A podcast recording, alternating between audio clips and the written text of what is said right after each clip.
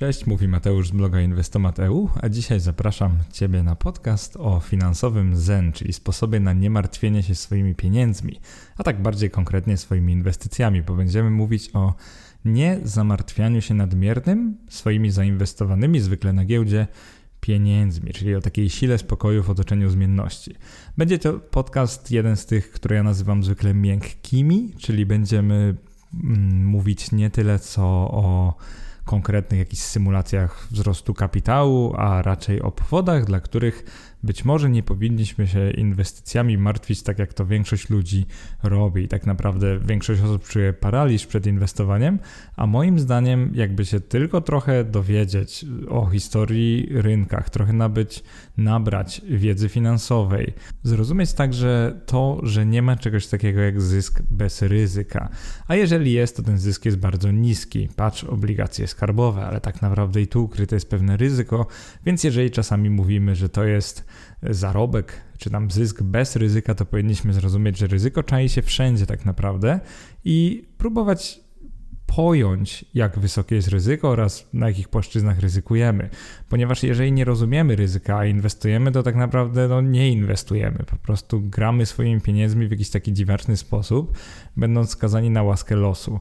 A sednem tego mojego podcastu, właśnie Inwestomat, jest to, żebyście zrozumieli w to, co inwestujecie i żebyście nie przesadzali ani z euforią, ani z paniką. Także dzisiaj skupimy się na tym, co sprawia, że ludzie boją się inwestować oraz jak temu zaradzić, a przynajmniej jakie ja mam na to najlepsze metody. Ten podcast nazwałem finansowym Zen i teraz rozwijmy sobie słowo Zen, definicję słowa Zen z Wikipedii. Jednym jego, z jego znaczeń jest spokojny umysł i kontrolowanie procesu myślenia. I to jest dokładnie to, czego musi moim zdaniem nauczyć się prawie każdy inwestor, który chce długoterminowo pomnażać, a nie redukować wartość czy tam wielkość swojego majątku. Tak jak powiedziałem, będzie to miękki podcast, więc zacznijmy od tego właśnie, co sprawia, że ludzie boją się inwestować. E, pewnie intuicyjnie czujesz o co tu chodzi, albo nawet sam bałeś lub sama bałaś się inwestować na samym początku, lub może nawet dalej się boicie, i to jest całkiem normalne. Powiedziałbym, że emocje w życiu człowieka w ogóle są normalne, zwłaszcza jeżeli chodzi o jakieś ważne zdarzenia. Dla wielu osób taka myśl, że mogą utracić swój ciężko zarobiony majątek, jest oczywiście myślą bardzo emocjonalną i taką no, niekoniecznie pozytywną. E, raczej budzi to negatywne emocje, więc ja uważam, że to, że odczuwamy przy inwestowaniu strach i chciwość, to nie jest niczym nienaturalnym i tak naprawdę chyba powinniśmy je odczuwać. Problemem jednak jest, jeżeli strach i chciwość zaczynają sterować naszymi inwestycjami zamiast jakiegoś zdrowego rozsądku albo planu, który sobie obraliśmy, niezależnie kiedy, zwykle to jest lata temu. Jeżeli inwestujemy od lat, to zwykle już ten plan staramy się wdrożyć od lat. Jeżeli oczywiście inwestujemy bez planu, czyli jesteśmy taką chorągiewką na wietrze, e, wiecie, takim jakimś lekkim okrętem na oceanie, który każdy podmuch może zdmuchnąć czy tam zatopić, no to oczywiście, że boimy się siłą rzeczy częściej.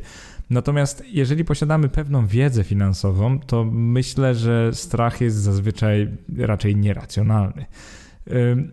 I teraz gdzie upatrywałbym się głównych przyczyn tego, że inwestorzy boją się inwestować, zwłaszcza tacy początkujący? Moim zdaniem zaczyna się wszystko od braku wiedzy lub jej niewystarczającego do inwestowania poziomu. A po kilku miesiącach czy po kilku latach często kończy się na takiej nadmiernej pewności siebie, pomimo braku zrozumienia przedmiotu inwestycji, pomimo tak naprawdę braku zrozumienia, jak udało nam się, powiem w cudzysłowie, wykręcić takie stopy zwrotu. Czy zazwyczaj dostaję takie pytanie, na przykład Mateusz, czy powinienem sprzedać akcje firmy XYZ? No, to jest pytanie w stylu, no tak, fajnie, ale czy ty rozumiesz, dlaczego w ogóle kupiłeś lub kupiłaś te akcje na pierwszym miejscu? I zazwyczaj otrzymuję tutaj odpowiedź zwrotną, że no nie za bardzo i że na przykład e, jakiś tłum ludzi to kupował, albo ktoś pisał na grupie na Facebook, albo jakiś internetowy guru, czy inny szarlatan powiedział, że warto je kupić. Więc powiedziałbym, że to nie są najlepsze powody do kupowania akcji spółki i sam fakt, że ktoś nie wie, kiedy będzie chciał lub chciała sprzedać akcję spółki, u mnie powoduje taką reakcję, mm, no wiecie, dość negatywną, mało emocjonalną, ale raczej taką sceptyczną, że wtedy zastanawiam się, no dobrze, ale w zasadzie to na bazie, w oparciu o co inwestujesz? na bazie czego inwestujesz, czyli jak ty podejmujesz swoje decyzje, jeżeli teraz mnie pytasz, czy masz sprzedać e, akcję jakiejś spółki, która na przykład zdrożała, nie wiem, trzykrotnie w ciągu kilku lat. Do tego jeszcze wrócimy i moim zdaniem ten problem dotyczy każdego, zwłaszcza niedoświadczonego inwestora. I przede wszystkim dotyczy to osób, które chcą pobijać indeksy.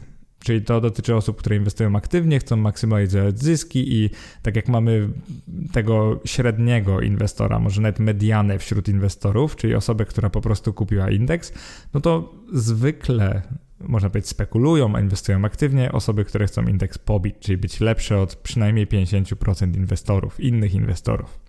Powiedziałbym zatem, że zamiast doskonalić swój inwestycyjny warsztat, takie osoby bardziej skupiają się na tym, żeby pobić wyniki inwestycyjne innych ludzi. Czyli wręcz często wypytują innych, jakie osiągają wyniki i próbują je pobić. Tylko niestety przy takim braku elementarnej wiedzy o inwestowaniu. Skąd to się bierze? No przede wszystkim stąd, że obecnie na nauce podstawowej i średniej nasze dzieci spędzą przynajmniej 12 lat. A zauważcie, że w programie czteroletniego nauczania średniego będą miały setki godzin biologii, chemii, geografii, historii, języka polskiego lub matematyki. I w tym wszystkim nie ma nic złego, prawda? Ponieważ tych podstawowych przedmiotów trzeba się uczyć, albo raczej powinno się, żeby coś wiedzieć o świecie.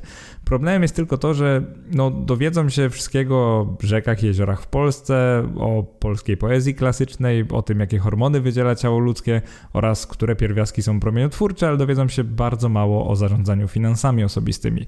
Tak naprawdę większość naszych pociech nie będzie rozumiała, jak się liczy RRSO dla kredytu, nie będzie rozumiała, e, co to w ogóle znaczy giełda papierów wartościowych i co to są akcje, a co, co to są obligacje i nie będzie też rozumiała, że no cóż, jak się ma nadwyżki finansowe, to powinno się w jakiś sposób je inwestować, że jakby już nie, jest, nie żyjemy w takich czasach, kiedy lokaty by nam zapewniały przeniesienie wartości naszego kapitału. Także akurat zauważyłem, że zainteresowanie finansami jest od czasu, kiedy założyłem bloga, czyli właśnie gdzieś tam końca roku 2019, od czasu, kiedy nagrywam podcast, czyli prawie że początku roku 2020, zainteresowanie finansami no, rośnie w ogromnym stopniu, z ogromną prędkością.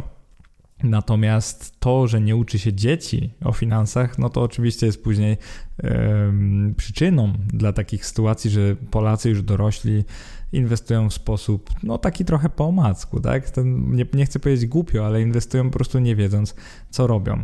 A jak już jesteśmy przy braku wiedzy finansowej, no to chcę Wam przytoczyć pewne takie ciekawe badania.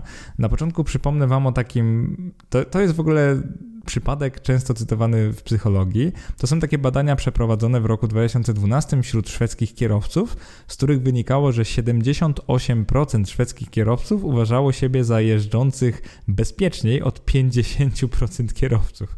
Co oczywiście matematycznie byłoby niemożliwe, ale zauważcie, jak bardzo pewni siebie są ludzie.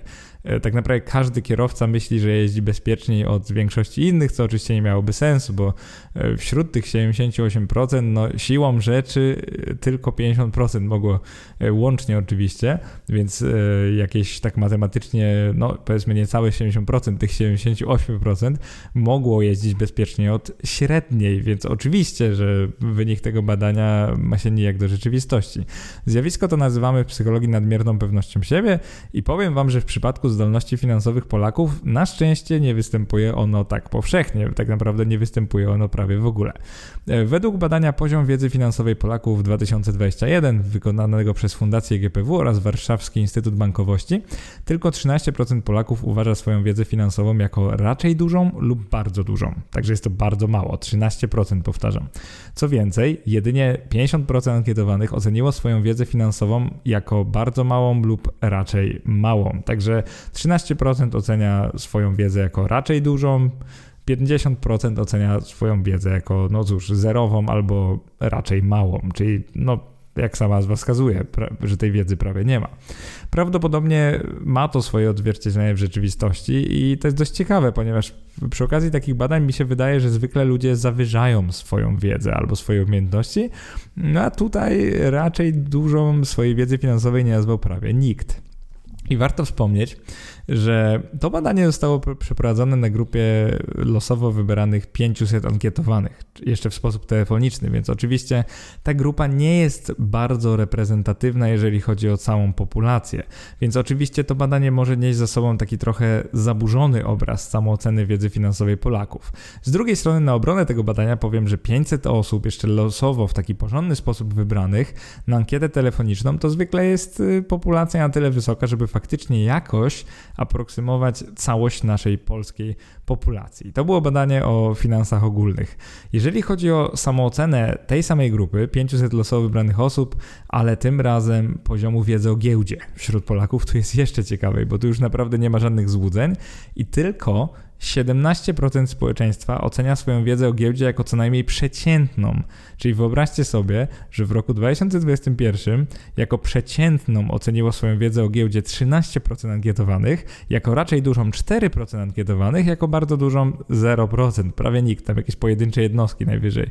E, powiedziałbym, że do, do e, dwóch chyba osób, bo inaczej by to było widoczne jako 1%. E, wyniki tego badania sprawiają, że coraz bardziej zaczynam wierzyć w misję swojego bloga i opisałem ją na stronie o blogu, jeżeli chcesz zobaczyć, jeżeli jesteś tu nowy lub nowa i kompletnie nie wiesz od czego zacząć, to tak, tak samo na blogu zapraszam do takiej strony zacznij tutaj i myślę, że jak przeczytasz te, tam jest chyba 40 artykułów około, od góry do dołu, to na pewno poczujesz, że twoja wiedza o giełdzie jest przynajmniej przeciętna, więc to jest taka może gwarancja z mojej strony, że powinna być przynajmniej e, przeciętna. I teraz co z tego wynika? Moim zdaniem brak wiedzy o giełdzie sprawia, że jakieś 90% inwestujących wśród Polaków wybiera drogie usługi w rodzaju TFI, pobierających 3-4% opłat rocznych, zamiast zabrać się za takie proste i tanie inwestowanie, które opisałem na przykład we wpisie jak inwestować 500 zł miesięcznie, średnie kwoty na giełdę. E, ten wpis ma swój podcast, także to może być taka ciekawostka dla Ciebie, jeżeli słuchasz tylko podcastów. I jakieś myślę kilka lub kilkanaście podcastów temu, w zależności od tego, kiedy wydam ten akurat podcast, możesz znaleźć właśnie jak inwestować 500 zł na, na giełdzie miesięcznie. No i tam przedstawiam takie proste i tanie sposoby na pomnażanie kapitału bez pośrednictwa funduszy inwestycyjnych TFI, które zwykle, tak jak powiedziałem, niestety w Polsce, mimo że ta opłata za zarządzanie w tym roku, czyli w 2021, już ta maksymalna ma 2,5%, to prawda jest taka, że to jest tylko opłata za zarządzanie, czyli TFI będą pobierać szereg innych opłat i łącznie to często wychodzi 4 lub nawet 5% rocznie, no co jest kwotami naprawdę horrendalnymi, więc gdyby Polacy wiedzieli więcej o giełdzie, na pewno nie płaciliby takim pośrednikom, no bo tak naprawdę pytanie po co.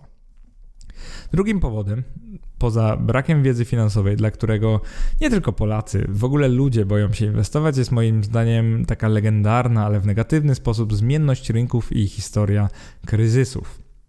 Zasadniczy problem rynków finansowych to jest to, że no co z tego, że one generalnie rosną, czyli przez większość czasu, jakbyśmy wzięli jakikolwiek indeks giełdowy, przynajmniej z tych takich bardziej światowych typu DAX czy S&P 500, e, czy Nasdaq, przez większość lat one kończą na plusie. Także tak samo jak gospodarki rosną, to tak samo środki na giełdach ogólnie zyskują. Natomiast jak tylko trafi się kryzys, no to inwestorzy tracą naprawdę duże pieniądze. I co mam na myśli przez naprawdę duże? Przede wszystkim warto takie prawidło znać giełdowe, że żeby odrobić stratę na przykład 30%, zauważcie, że nie trzeba zarobić 30%, tylko więcej, tak? Jeżeli ze 100% zjechaliśmy do 70%, to z tych nowych już 70% oryginalnej kwoty, zauważcie, że 130%, 70% to będzie mniej niż 100%. I to, co chcę powiedzieć, to to, że tak nawet nie licząc specjalnie, ale żeby odrobić 30%, trzeba pewnie zarobić przynajmniej 40 kilka procent, tak? Niestety tak to działa. To jest właśnie efekt też procenta składanego, dlatego jeżeli przez lata zarabiamy na indeksach, e, powiedziałbym, każdego roku 10%, ale nagle tracimy w jednym momencie 30 lub 40%, a nie daj Boże tracimy 30%, a później po roku kolejne 15%, no to żeby z tego wyjść, zwykle będziemy potrzebowali kilku lub kilkunastu lat. Oczywiście nie, nie ma tu żadnego efektu uśredniania. Zakładam, że gdybyśmy trzymali ten kapitał i po prostu cierpliwie czekali, no to niestety będziemy musieli e, poczekać wiele, wiele lat, żeby odrobić nasze pieniądze. Więc to jest całkiem naturalne, że ze względu na tą wysoką zmienność rynków oraz historii kryzysów, inwestorzy mają do nich taki szacunek e, graniczący ze strachem wręcz, czyli nie chcą inwestować, bo okej, okay, może i przez większość lat jest dobrze, ale jeżeli czasami będzie lała się krew dosłownie i ludzie będą panikować i będzie bardzo czerwono i będzie minus 50, minus 60% w ciągu nawet roku, dwóch, no to oczywiście nikt nie chce stracić swojego kapitału, więc inwestorzy mają taką awersję do ryzyka. Problemem tutaj jest też to, że jeżeli mamy jakiś bardzo drogi indeks, na przykład yy, mielibyśmy S&P albo Dow Jones Industrial Average, e, byśmy mieli bardzo wysoko. Po prostu byłby obiektywnie drogi e, i natrafiłby się kryzys oczywiście wyszedłby ze Stanów, ale rozdałby się na cały świat, no to ważne jest to, że nie tylko Stany wtedy tracą. I co mam na myśli? Weźmy takie najgorsze miesiące ostatnich lat. Weźmy przed sierpień, sierpień roku 98. E, Dow Jones stracił 15%, DAX stracił 17,7%, a WIG polski stracił 29% w tym samym miesiącu. Weźmy na przykład październik roku 2008. Dow Jones stracił 14%, DAX stracił 14,46%, WIG stracił 24%. I to nie jest jakieś odosobnione zjawisko, bo tak naprawdę jakbyście sobie zestawili najgorsze lata dla giełdy amerykańskiej albo najgorsze miesiące, to zobaczycie, że prawie zawsze jak mocno spada giełda amerykańska, to spadają też inne giełdy. Czasami bardziej lub mniej, ale prawda jest taka, że nastroje są wtedy negatywne, amerykańscy inwestorzy uciekają z tych ryzykownych aktywów, no to światowi inwestorzy też. To nie działa tak, że wtedy Stany są odizolowane od reszty, wtedy spada tak naprawdę wszystko. I teraz pytanie brzmi, jeżeli inwestowanie w akcje jest tak ryzykowne, że czasami zdarzają się tak złe miesiące, to dlaczego w ogóle ktoś racjonalny miałby się tym zajmować? To jest świetne pytanie. I powód jest dość prosty. Jeżeli nawet byśmy celowo wybrali taki okres, y, na przykład dwudziestokilkuletni, w którym by były dwa duże kryzysy, to jeżeli wyrysujecie sobie na wykresie to, ile było miesięcy stratnych i jaka to była skala strat procentowo, na przykład minus 10%, minus 5%, minus 2% i tak dalej, a później wyrysujecie sobie na tym samym wykresie, ile było miesięcy zyskownych i procentowo jaki to był zysk, i w tym przypadku z plusem plus 1%, plus 2%, 3% i tak dalej, aż do nawet 10% w niektórych miesiącach, to zobaczycie, że właśnie piękno giełdy polega na tym, że jakiegokolwiek byście wzięli rynku, to tych zyskownych okresów będzie zwykle o wiele więcej. Tak na przykład y, proporcja będzie gdzieś 2 do 1.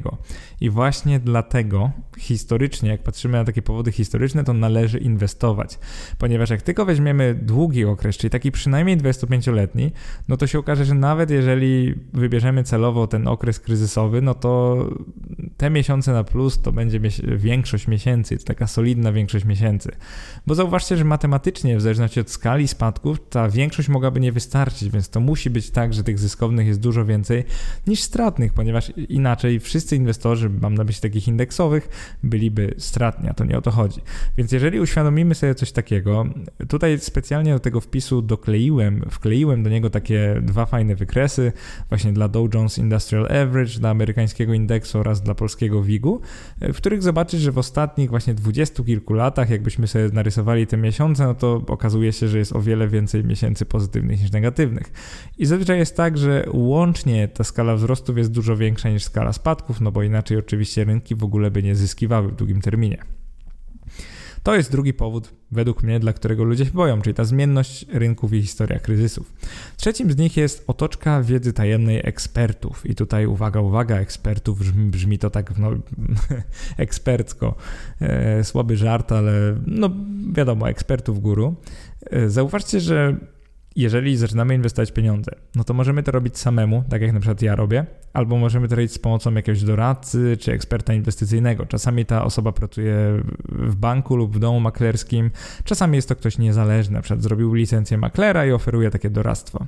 Możliwe też jest na przykład kopiowanie ruchów tak zwanych innych inwestorów albo sugerowanie się darmowymi bądź płatnymi materiałami. Czasami to są fora, czasami to są jakieś sygnały kupna i sprzedaży, czasami to jest jakiś automa automat, który pozwala kopiować ich ruchy, na przykład broker eToro coś takiego umożliwia. Więc w różny sposób możemy kopiować innych. I czy to jest dobre, czy to jest złe? No, z jednej strony eksperci różnią się wśród no, w tej swojej grupie, czyli różnią się wśród siebie poziomem wiedzy o rynkach, atencją i zainteresowaniem, które mają do klientów, cenami swoich usług oraz oczywiście osiąganymi wynikami inwestycyjnymi.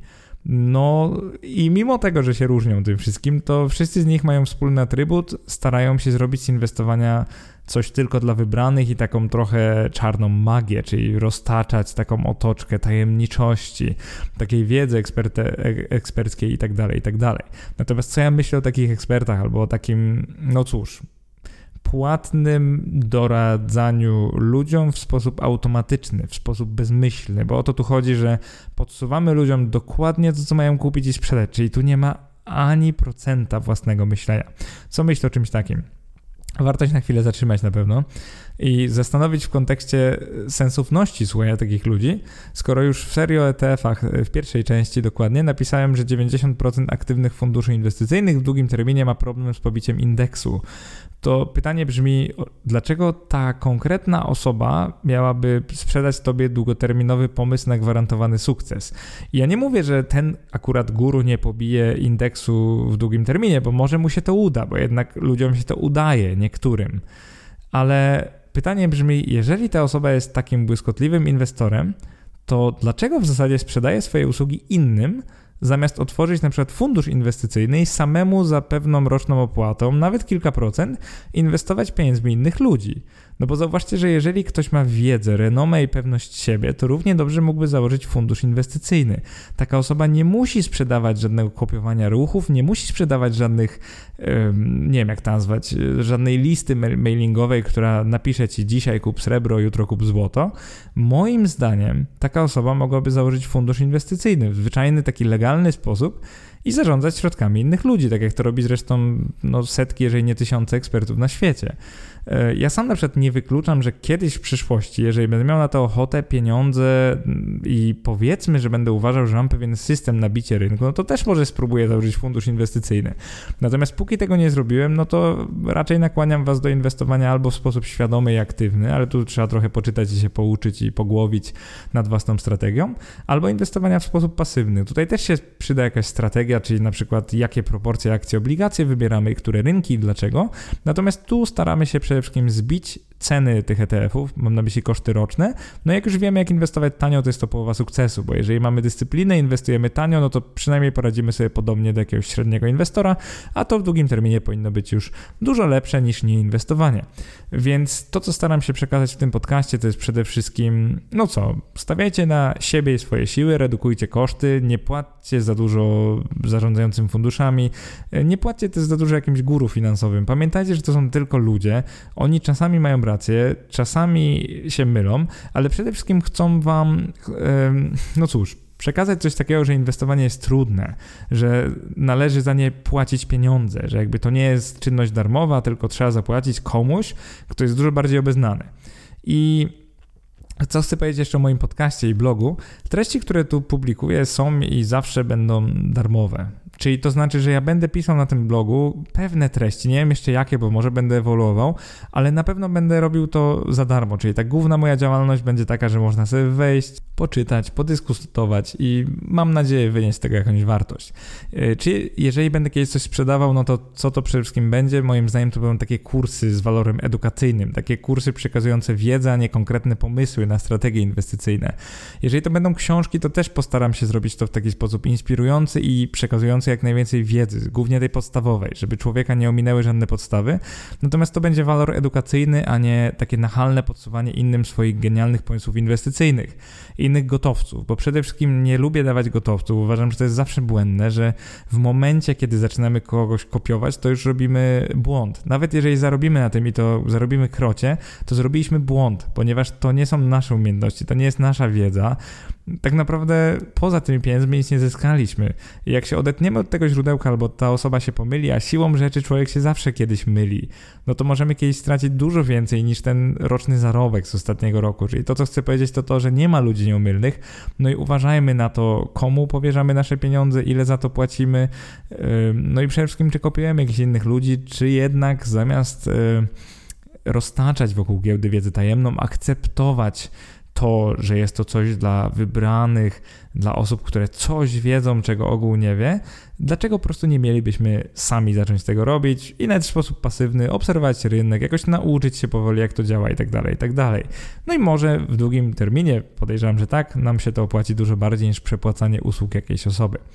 I ostatnim czynnikiem, poza właśnie brakiem wiedzy finansowej i wiedzy o giełdzie, zmiennością rynków i takim nadmiernym, no cóż, strachem przed tym, później otoczką wiedzy tajemnej ekspertów, którą możemy akceptować, e, jest wiara w zysk bez ryzyka. I to jest chyba największy problem. Myślę, że większość moich słuchaczy słyszało o czymś takim jak afera Amber Gold. To się działo w latach 2009-2012 w Gdańsku, z którego zresztą pochodzę. E, dla tych, którzy nie pamiętają, to opiszę, jak brzmiała, jak wyglądała ich dawna oferta, bo udało na szczęście mi się znaleźć materiały archiwalne, gdzie w zasadzie możemy sobie przeczytać tą ofertę. Możemy zobaczyć, jak wyglądała ta strona Amber Gold i co oni oferowali. Zacznijmy od tego, że spółka ta oferowała swoim klientom coś takiego jak usługa składu metali szlachetnych i to miało, cytuję, gwarantowaną stopę zwrotu w wysokości od 6 do 15% rocznie. Jest to dość dużo, ale zaraz powiemy sobie w kontekście, czy to było dużo, czy nie. I taki archiwalny zrzut ekranu z ofertą Amber Gold udało mi się właśnie wykopać i wyglądało to mniej więcej tak, że w czasach, gdy rentowność polskich obligacji skarbowych była na poziomie 5-5,5%, czyli tyle w Polsce wynosił taki risk-free rate, czyli jakbyśmy zainwestowali bezpiecznie wtedy pieniądze, tak 5 do 6% mogliśmy rocznie ugrać brutto. E, więc to, co oferowało Amber Gold, już Wam opowiadam, te gwarantowane w cudzysłowie stopy zwrotu były zatem kompletnie absurdalne, co wyczułaby każda osoba, która choć trochę interesuje się inwestycjami. No oczywiście problem jest taki, że większość ludzi, którzy się w to łapali, to nie są ludzie, którzy się interesują inwestycjami.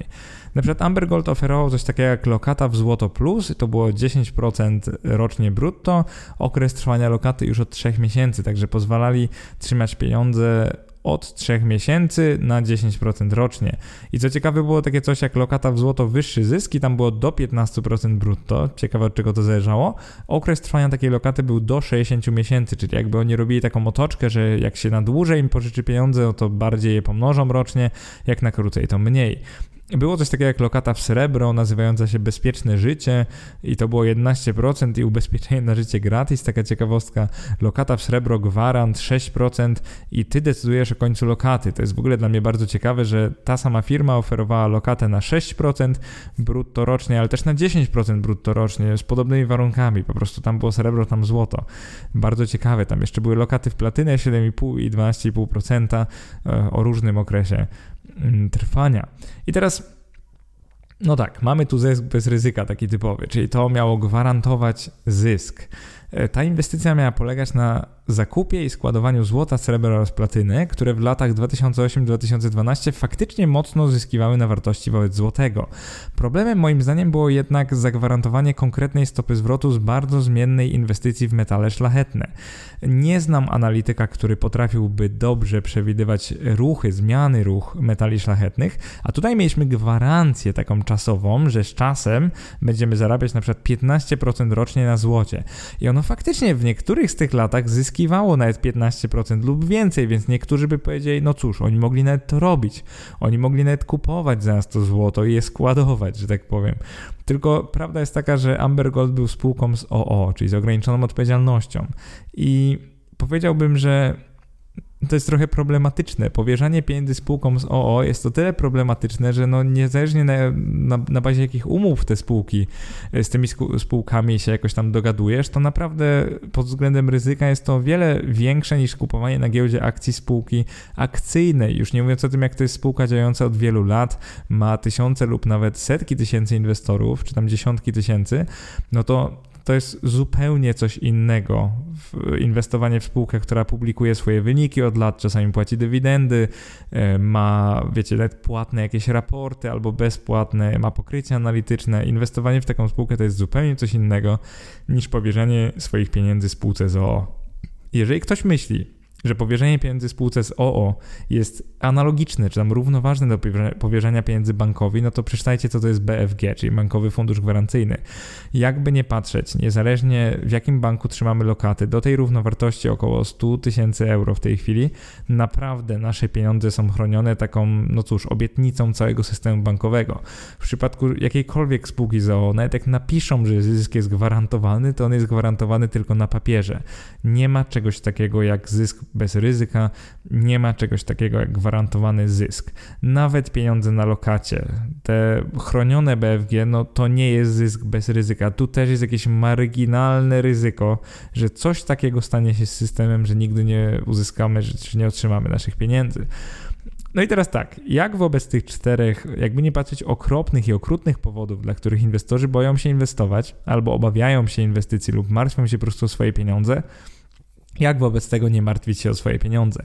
I teraz taka część z moimi może poradami, albo raczej z tym, jak ja staram się walczyć z tymi rzeczami, które sprawiają, że ja sam też czasami się boję o swoje pieniądze. Co robię, żeby się nie bać? Zaczniemy od skali makro, czyli od sprawdzenia tempa wzrostu gospodarek światowych i przeszłych ruchów kilku głównych indeksów giełdowych świata.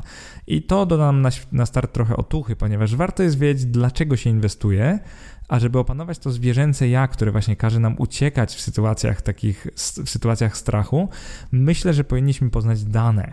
Dopiero jak poznamy, jak rosną gospodarki, to uświadomimy sobie, że być może inwestowanie w akcje spółek giełdowych wcale w długim terminie jest takie straszne i ryzykowne, jak mówi większość ekspertów, którzy chcą tylko nasze, naszych pieniędzy, żeby robić to samo naszymi pieniędzmi i jeszcze kasować nas kilka procent rocznie. E, poszczególne spółki, jeżeli inwestujesz w wybrane spółki, mogą w dowolnym terminie bardzo fluktuować, zarówno w krótkim, jak i długim.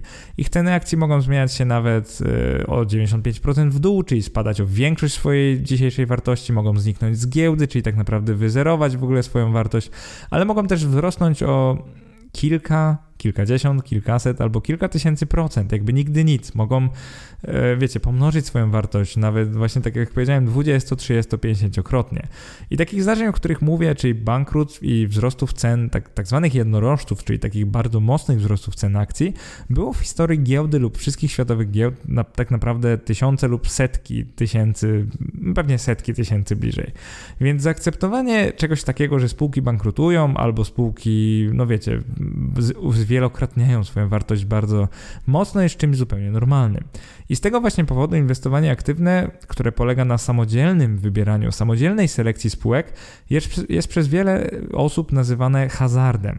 I takie osoby sugerują alternatywę w postaci pasywnego inwestowania w całe indeksy giełdowe, co według mnie ma sens dla no, większości inwestorów, czyli dla osób, które nie mają czasu na wybieranie spółek według pewnych ustalonych wcześniej kryteriów lub po prostu nie czują się na siłach, żeby kiedykolwiek z tego nauczyć. I nie mówię tutaj, że takie osoby są gorsze, bo takie osoby w ogóle nie są gorsze. Po prostu chodzi o to, żeby trzeźwo, świadomie oceniać swój czas na inwestowanie. Jeżeli nie macie tego czasu dużo, jeżeli brakuje Wam dyscypliny w różnych sferach życia, no to nie myślcie sobie, że jak zaczniecie inwestować i się nauczycie na przykład księgowości, nauczycie się czytania sprawozdań finansowych, to nagle nabierzecie jakiejś magicznej dyscypliny, która pozwoli Wam inwestować mądrze i nigdy nie łamać swoich założonych e, kryteriów, swojej strategii. Więc dlaczego wieloletnie takie pasywne inwestowanie w całe indeksy w ogóle mnie nie przeraża, a wręcz ma dla mnie sens i to taki duży, głęboki sens, ponieważ ja wierzę w długoterminowy wzrost światowych gospodarek, a więc kontynuację trendu, z którym mamy do czynienia przez jakieś kilkadziesiąt lat, może nawet kilkaset w całej światowej gospodarce.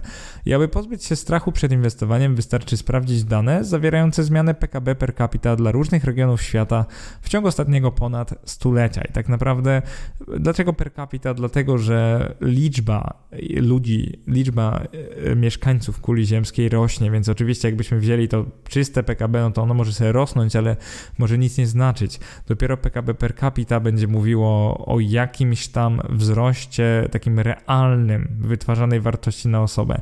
I ten wzrost mówi sam za siebie. Jeżeli weźmiemy Stany Zjednoczone, Kanadę, Australię, Nową Zelandię, no to od roku 1900 do teraz, czyli 2020, mamy około pięciokrotny wzrost PKB per capita.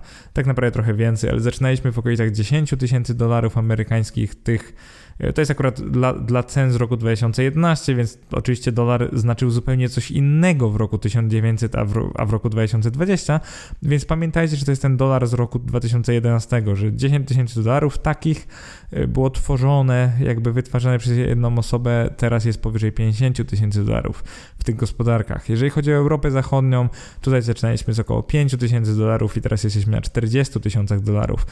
I jakbyśmy brali Europę Wschodnią, e, Środkowy Wschód, jeżeli byśmy brali Azję, średnią światową, no czego byśmy nie wzięli, to ostatnie 40-50 lat wykazują naprawdę duży wzrost praktycznie każdego rejonu świata.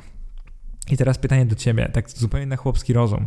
Czy może być zatem jakikolwiek lepszy sposób na takie leniwe i pasywne inwestowanie pieniędzy niż właśnie kupowanie wszystkich notowanych na danej giełdzie lub w danym indeksie lub w, na, na różnych giełdach spółek? No bo jeżeli zakładamy dalszy wzrost światowej gospodarki, no to ten sposób inwestowania powinien sprawdzić się przez jeszcze całe no, długie lata. Mimo, że jeżeli wrócimy do tych danych o największych spadkach miesięcznych, pamiętacie 15% w dół, 20-25%, no to okresowo będziemy tracić naprawdę dużo pieniędzy. Będziemy czasami tracić od kilkunastu do kilkudziesięciu procent miesięcznie. Wyobraźcie sobie. Więc tym naszym okrętem będzie bardzo bujało, ale w końcu że tak powiem, dopłynie on do portu. I to jest właśnie najważniejsze, żeby dopłynął on do docelowego portu. Najlepiej takiego portu, który nazywa, znaczne, nazywa się znaczne pomnożenie swojego kapitału. I poza przeanalizowaniem statystyk dotyczących wzrostu PKB wybranych regionów świata, warto też poznać tego przeciwnika, czyli poznać tą zmienność giełdową, zaznajamiając się z historycznymi przebiegami największych rynków finansowych świata, tych indeksów. Jeżeli poznamy dane historyczne, no to zobaczymy, że było bardzo wiele takich burzliwych miesięcy czy lat. Był właśnie okres 2000, 2002 w zasadzie cały, był okres 2008, 2009 i tak naprawdę historia pokazuje, że inwestor, który byłby, można powiedzieć, zainwestowany, zainwestowałby tylko w akcje dla niektórych rynków, musiałby czekać na odrobienie strat nawet 10 lat i dłużej. Takie, takie historie zdarzały. No ale teraz pytanie brzmi, więc jeżeli inwestujesz pasywnie, długoterminowo w cały indeks, jeżeli dokładasz co miesiąc na przykład, albo co kwartał, może nawet co pół roku, albo nawet co roku, ale jeżeli dokładasz pewne kwoty i robisz tak zwane DCA, czyli ten dollar cost averaging, czyli no niezależnie od ceny po prostu kupujesz, bo masz pieniądze i chcesz je zainwestować, no to niezależnie czy trafisz w najgorszy moment, czy trafisz w najlepszy moment, no to w długim terminie twoje pieniądze będą zarabiać. Jedyny e, moment albo jedyny scenariusz, w którym byś naprawdę nie zarobił lub nie zarobiła jest to, jeżeli faktycznie byś wziął lub wzięła całe swoje pieniądze, dajmy na to milion złotych, zainwestowała w przeddzień kryzysu, stracił lub straciła 30-40% i wtedy przestała inwestować. No to to oczywiście nie jest najmądrzejsze, no ale prawda jest taka, że początkujący inwestor, jeżeli ktoś by mu doradził zainwestuj 100% w akcje i, i on lub ona by właśnie milion złotych przeznaczyła na giełdzie jeszcze w takich drogich czasach, powiedziałbym jak teraz, nie wiem kiedy tego słuchasz, ja akurat nagrywałem to w sierpniu, na przełomie sierpień-wrzesień 2021, więc wyobraź sobie, że inwestujesz no, w drogich czasach, masz 100% akcji, no i tak naprawdę czego się spodziewać? W pewnym momencie będziemy mieli do czynienia z krachem na giełdzie. Krach może być głęboki, może wynosić 30%, może 40%, może 50%, może nawet 60% od, od szczytu na całym indeksie, więc inwestowanie indeksowe zabezpiecza o tyle, że stracimy tyle, co średnia y, giełdowa spółka, powiedzmy, a nie stracimy na przykład więcej, typu 90 parę procent, więc nie stracimy pewnie mm, prawie całych pieniędzy, ale jednak y, to, że kiedyś stracimy, jest niemal gwarantowane na giełdzie, że kiedyś tymczasowo stracimy i że będzie trzeba wtedy inwestować przez wiele, wiele lat, żeby to odrobić. Oczywiście ci, którzy na tamten moment będą mieli ulokowane jakieś pieniądze w bezpiecznych aktywach, typu właśnie obligacje, typu jakieś lokaty, będą oczywiście mieli czym inwestować na tak zwanym dołku, więc to jest inna kwestia zupełnie. Natomiast jak poznasz giełdowe dane historyczne, tak zwane statystyki, no to zobaczysz, że naprawdę o tyle nie masz czego bać, że tych miesięcy zyskownych zwykle jest dużo więcej i jeżeli będziesz właśnie rozsmarowywać swoje środki po całych giełdowych indeksach, no to jesteś o tyle zabezpieczony lub zabezpieczona, że jak dojdzie to do czego, no to ty stracisz tyle, co jakiś tam średni inwestor, a nie więcej, co już samo w sobie jest całkiem niezłe. Kolejną rzeczą, której nie należy bagatelizować, jest określanie swojej tolerancji na ryzyko. To jest coś, od czego często zaczynam rozmowy, jak, jak na przykład rozmawiam z jakimś świeżym inwestorem lub inwestorką i ta osoba pyta mnie o jakieś rady lub o jakąś pomoc mnie prosi, to zwykle zaczynam od właśnie tolerancji na ryzyko. Uważam, że określenie naszej tolerancji na ryzyko jest niezwykle ważne. I Przede wszystkim dlatego, że no dobra, zaczynacie inwestować, większość osób wam mówi, że w długim terminie akcje oferują wyższą stopę zwrotu od obligacji. To jest prawda, to jest truizm, po prostu tak jest. I jeżeli nie rozumiesz tych dwóch klas aktywów, to oczywiście nadrób to. Na blogu mam taki wpis, co to są akcje, jak działają, mam też wpis, co to są obligacje, jak działają. Więc na pewno zrozumiesz ich zasady działania, no ale wróćmy do tego akcje, obligacje. Obligacje, zwłaszcza skarbowe, od dziesiątek lat pewniły, pełnią i będą pełnić rolę takiego bezpiecznika, stabilizatora portfela. I bezpośrednia inwestycja w nie, tak naprawdę ona, jeżeli zamierzamy doczekać do ich dojrzałości, czyli spłaty przez emitenta, czyli nie inwestujemy przez ETF-y, które są bardzo zmienne czasami. Tutaj patrz taki podcast o tytule Dlaczego ceny funduszy ETF na obligacje zmieniają się dynamicznie. Jeżeli inwestujemy bezpośrednio w takie obligacje, no to nominalnie praktycznie nie możemy stracić. Po prostu podkreślam nominalnie, nie bierzemy w ogóle inflacji pod uwagę, ale emitent odda nam nasze pieniądze plus te kupony zwykle w czasie. Więc jaki efekt na portfel inwestycyjny ma w ogóle uzupełnianie akcji obligacjami? Przede wszystkim on zmniejsza stopy zwrotu w długim terminie, ale stabilizuje czyli sprawia, że procentowe i wzrosty i spadki będą po prostu niższe. On sprawia, że portfel jest bardziej nudny. Jakbyśmy wzięli historię, o tym już mówiłem w innym podcaście, jakbyśmy wzięli ostatnie 40 lat na giełdzie amerykańskiej, inwestora, który kupuje S&P 500, tutaj są akcje i obligacje, to są te 30-letnie US Treasury Bonds, i na przykład wybiera 20-80, czyli tylko 20% akcji, ale 80% obligacji. Taka osoba też by wyszła bardzo zyskownie na swoje inwestycje. Ta osoba też by mocno pomnożyła swoje pieniądze, ale jakbyśmy spojrzeli w kontekście, to osoba, która wybrała 100% akcji, pomnoży je dwukrotnie szybciej. Natomiast, jeżeli spojrzysz na przebieg, to warto do wpisu tutaj wejść, żeby zobaczyć ten przebieg. Jeżeli spojrzysz na przebieg zmian kapitału, to zobaczysz, że okej, okay, że ta osoba, która ma 20% akcji, 80% obligacji, ona też zyskuje, zwłaszcza zyskuje w takich ryzykownych momentach, bo wtedy obligacje są znane z tego, że zyskują na wartości szybciej od akcji, to prawda jest taka, że ta osoba robi to głównie dlatego, żeby mniej tracić, czyli w kryzysach, jak sobie zobaczycie zmianę kapitału, one, on praktycznie nie nurkuje, on praktycznie nie spada, praktycznie nie maleje.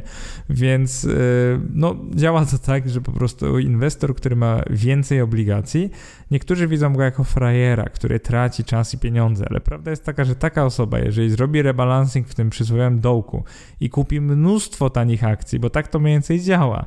Jeżeli ktoś ma 20 2080 i będzie kryzys, to nawet nie musi zmieniać 2080, tylko siłą rzeczy, jak akcje stracą, to ta osoba kupi bardzo dużo tanich akcji. One procentowo w portfelu dalej będą, wiecie, stanowić małą część, ale zauważcie, jak dużo taka osoba kupi tanich akcji.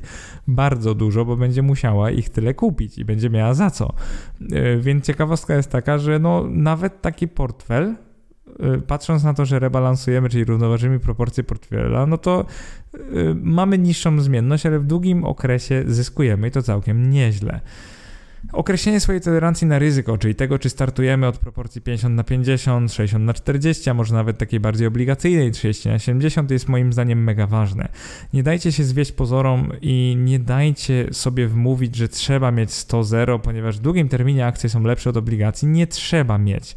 Prawda jest taka, że Inwestor, który ma 100% akcji i nie zna siebie i w kryzysie nie wie, co zrobi i naciśnie sprzedaj wszystko w jakimś takim głupim, minimalnym momencie i później już nigdy tego nie odrobi, to jest dużo gorsze niż inwestor, który ma 50 na 50, na całym portfelu w tym kryzysie nie straci 50%, a tylko 25%, podkreślam tylko, ponieważ te obligacje nie stracą i będzie miał wtedy siłę, energię i chęci, żeby obligacjami kupić tanie akcje.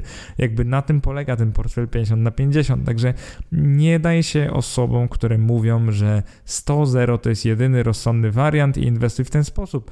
Bo ja bym dodał tu jedną rzecz. 100% akcji jest jedynym rozsądnym wariantem dla doświadczonych inwestorów, dla osób, które wiedzą, że je nacisną sprzedaj w niewłaściwym momencie. I taka jest prawda, że tacy inwestorzy faktycznie mogą, a nawet powinni mieć 100% akcji. Natomiast początkujący absolutnie nie powinni słuchać takich, tego typu rad. Za takie coś powinno się może nawet karać. E, no bo to jest po prostu destruktywne to, to, to, sprawi, że ludzie przestaną inwestować, przestraszą się, stracą na giełdzie, przestaną inwestować. To nie ma sensu. Więc określ swoją tolerancję na ryzyko i zrób to defensywnie. Zrób to raczej zaniżając niż zawyżając ją. E, kolejną radą, którą miałbym, jest trzymanie się znajomego gruntu. E, tutaj mamy radę od Warrena Buffetta też, jeden z moich takich ulubionych ala cytatów inwestycyjnych. Warren Buffett powiedział kiedyś, e, właściwie często to mówi, że inwestor musi być w stanie oceniać firmy z branż, w których, się, w których analizie się specjalizuje, czyli w branżach, w których się specjalizuje. Wielkość jego sfery kompetencji nie jest aż tak ważna jak świadomość tej sfery, czyli znajomość jej granic, która jest dla inwestora kluczowa. Czyli według właśnie Warrena Buffetta ważniejsza jest świadomość swoich granic i ograniczeń i wiecie, niekompetencji głównie, a nie to, żebyśmy mieli kompetencje w każdej branży, w każdym segmencie i każdej klasie aktywów. I dam wam przykład. To nie jest takie istotne, czy inwestor umie się poruszać dobrze w kryptowalutach, w spółkach giełdowych, na giełdzie amerykańskiej, giełdzie na przykład francuskiej, niemieckiej, brytyjskiej i polskiej oraz w obligacjach i w ogóle zna się na wszystkim, jeszcze na surowcach i krusztach najlepiej. Ważniejsze jest to, że jeżeli na przykład inwestor się specjalizuje w obligacjach korporacyjnych, to lepiej, żeby się ich trzymał, lepiej, żeby robił to, czego się specjalizuje. Więc to, co ja bym właśnie tutaj polecał, to pewna specjalizacja. Nawet jeżeli zaczynasz analizować spółki giełdowe, no to na przykład wybierz sobie kilka sektorów lub branż, na przykład branżę przemysłową, technologiczną, tak naprawdę cokolwiek lubisz albo w czymkolwiek na przykład pracujesz, to będzie ci łatwiej to analizować na pewno, bo masz już jakieś zainteresowanie takich spółek i trzymaj się tej branży. To nie znaczy, że całe życie masz omijać inne branże w inwestycjach. Po prostu, jeżeli chcesz bardziej aktywnie, to bardziej aktywnie selekcjonuj w jakiejś swojej sferze kompetencji, gdzie rozumiesz to, co robisz. I nie, jeżeli nie masz żadnej wiedzy finansowej, to oczywiście inwestuj pasywnie, czyli inwestuj w ETF-y indeksowe, przeplataj je z detalicznymi obligacjami skarbowymi, na przykład COI, EDO, ROS czy ROT, jeżeli ci przysługuje świadczenie 500+, to te dwie ostatnie. Jeżeli masz podstawową wiedzę giełdową, no to możesz inwestować w ETF-y indeksowe, ale powoli możesz wybierać jakieś proste do analizy spółki z tradycyjnych branż, z jakiejś branży handlowej, przemysłowej i tak dalej. Z daleka od spółek typu growth, typu na przykład technologicznych, no bo te się naprawdę ciężko analizuje zazwyczaj. Jeżeli poświęciłeś lub poświęciłaś przynajmniej 100 godzin na naukę czytania sprawozdań finansowych, to myślę, że jesteś już gotowy lub gotowa, żeby zacząć inwestować w pojedyncze spółki, z tym, że dalej polecam specjalizować się w jednej, dwóch, trzech branżach, czyli tak no nie przeceniać swoich umiejętności, bo to jest największa zguba dla inwestora, zwłaszcza początkującego. Ostatnią taką radą z tych pięciu rad, które mam na te cztery problemy, jest to, że powinno się inwestować tylko środki, których nie potrzebujesz do życia. I przyznam, że nie lubię, naprawdę nie przepadam za powiedzeniem inwestuj tylko środki, które możesz stracić, ponieważ nikt nie powinien moim zdaniem zakładać, że inwestując mądrze i długoterminowo w ogóle straci swoje środki. Kluczem tu jest słowo możesz, ale całe powiedzenie zamieniłbym na coś w rodzaju inwestuj tylko środki, których nie potrzebujesz do życia. I to w praktyce by oznaczało, że ze środków, których wiesz, że będziesz potrzebować w kolejnych dwóch, trzech latach, to no, nie inwestowałbym takich środków. Zamiast tego spokojnie odłóż je na czymś takim bezpieczniejszym, jakichś krótkoterminowych obligacjach albo długoterminowych policz, co w tym momencie jest najbardziej opłacalne i tak ulokuj je gdzieś. Nie inwestuj ich na giełdzie. E, no i przykładowo, które środki raczej można inwestować? Na przykład środki na emeryturę to jest świetny materiał na inwestycje, bo to jest wiele lat horyzontu finansowego. Jakieś nadwyżki finansowe, które na pewno nie będą nam póki co potrzebne, można inwestować. E, środki do przekazania dzieciom za przed 20 lat, jak najbardziej można inwestować, nawet powinno się inwestować. Natomiast czego raczej bym nie inwestował? E, środki na wkład własny na, na mieszkanie, który, które chcemy kupić za, nie wiem, rok czy dwa lata, pieniądze na zakup samochodu, który chcemy kupić w tym roku, jakieś pożyczone pieniądze, to już nie daj Boże, żeby coś takiego inwestować, e, środki na zabieg lub operacje, które już wiemy, że musimy przeprowadzić przykład za rok lub dwa, no to takich środków absolutnie nie inwestujemy. No i pamiętaj o tym, no bo jeżeli zainwestujesz takie środki, to nagle być może będziesz w sytuacji, gdzie musisz te środki wyciągnąć, mimo że jest no tragiczna sytuacja na giełdzie, jakiś kompletny dołek, no i nie chcesz akurat ich wyciągać, albo nawet nie możesz wręcz. Więc uważaj na inwestowanie środków, których w tej chwili, czy tam w jakimś krótkim terminie będziesz potrzebował. Tego nie powinno się robić. I dlaczego ja się nie martwię o swoje zainwestowanie pieniądze? No przede wszystkim dlatego, że ja w portfelu posiadam e, zawsze obligacje, tak? Nie tylko obligacje, ale też mam obligacje. Nigdy nie miałem portfela samych akcji. Może na samym początku miałem, ale wtedy jeszcze nie wiedziałem, co robię. Od jakichś 7-8 lat, czyli czasów, gdy już wiem, co robię, a przynajmniej ja się czuję z tym dobrze, co robię, zawsze miałem w portfelu obligacje. Zwykle korporacyjne, ale zawsze je miałem. E, żadna spółka mi póki co nie zbankrutowała, więc no odpukać, ale czułem, że mam część bezpieczną. Cokolwiek się działo na giełdzie, to ja czułem, że mam taką część, że mogę ją spieniężyć i kupić tanie akcje, jak będzie taka potrzeba, jak był kryzys i wiedziałem, że jeżeli będzie kryzys, to ja nie stracę tak dużo jak osoby, które są zainwestowane 100% w giełdę.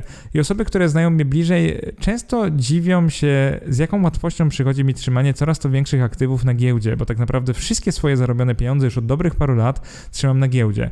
Ale uważam, że przy spełnieniu warunków i tych kryteriów, które opisałem w tym wpisie, czyli właśnie sprawdzenia, jak rosną gospodarki, poznania giełdowych danych historycznych, określenia swoją tolerancji, swojej tolerancji na ryzyko, trzymania się znajomego gruntu, czyli tej analizy spółek, które się nauczyliśmy analizować i inwestowania tylko środków, których nie potrzebujesz do życia, uważam, że jesteś na bardzo dobrej drodze, żeby nie bać się panicznie inwestowania, żeby robić to mądrze, świadomie, nie ryzykując za wiele i w taki sposób w który nie będziesz musieć opłacać żadnych ekspertów, nie będziesz musieć słuchać żadnych guru, nie będziesz musieć polegać na innych, tylko będziesz mógł lub mogła w prosty sposób, czy to będzie pasywnie, czy aktywnie, to już tak naprawdę ma wtórne znaczenie, bo dla niektórych lepszy jest pierwszy, dla niektórych drugi sposób. Ważne jest to, że będziecie mogli sami w taki własny sposób inwestować na giełdzie, no i w długim terminie zarobić pieniądze bez, wiecie, wypadania włosów, nadmiernego stresu i takiego e, niespania po nocach, bojąc się o swoje pieniądze, bo takie było właśnie sedno tego podcastu. Jeżeli się podobało, to oczywiście będę bardzo wdzięczny, jeżeli wejdziesz na iTunes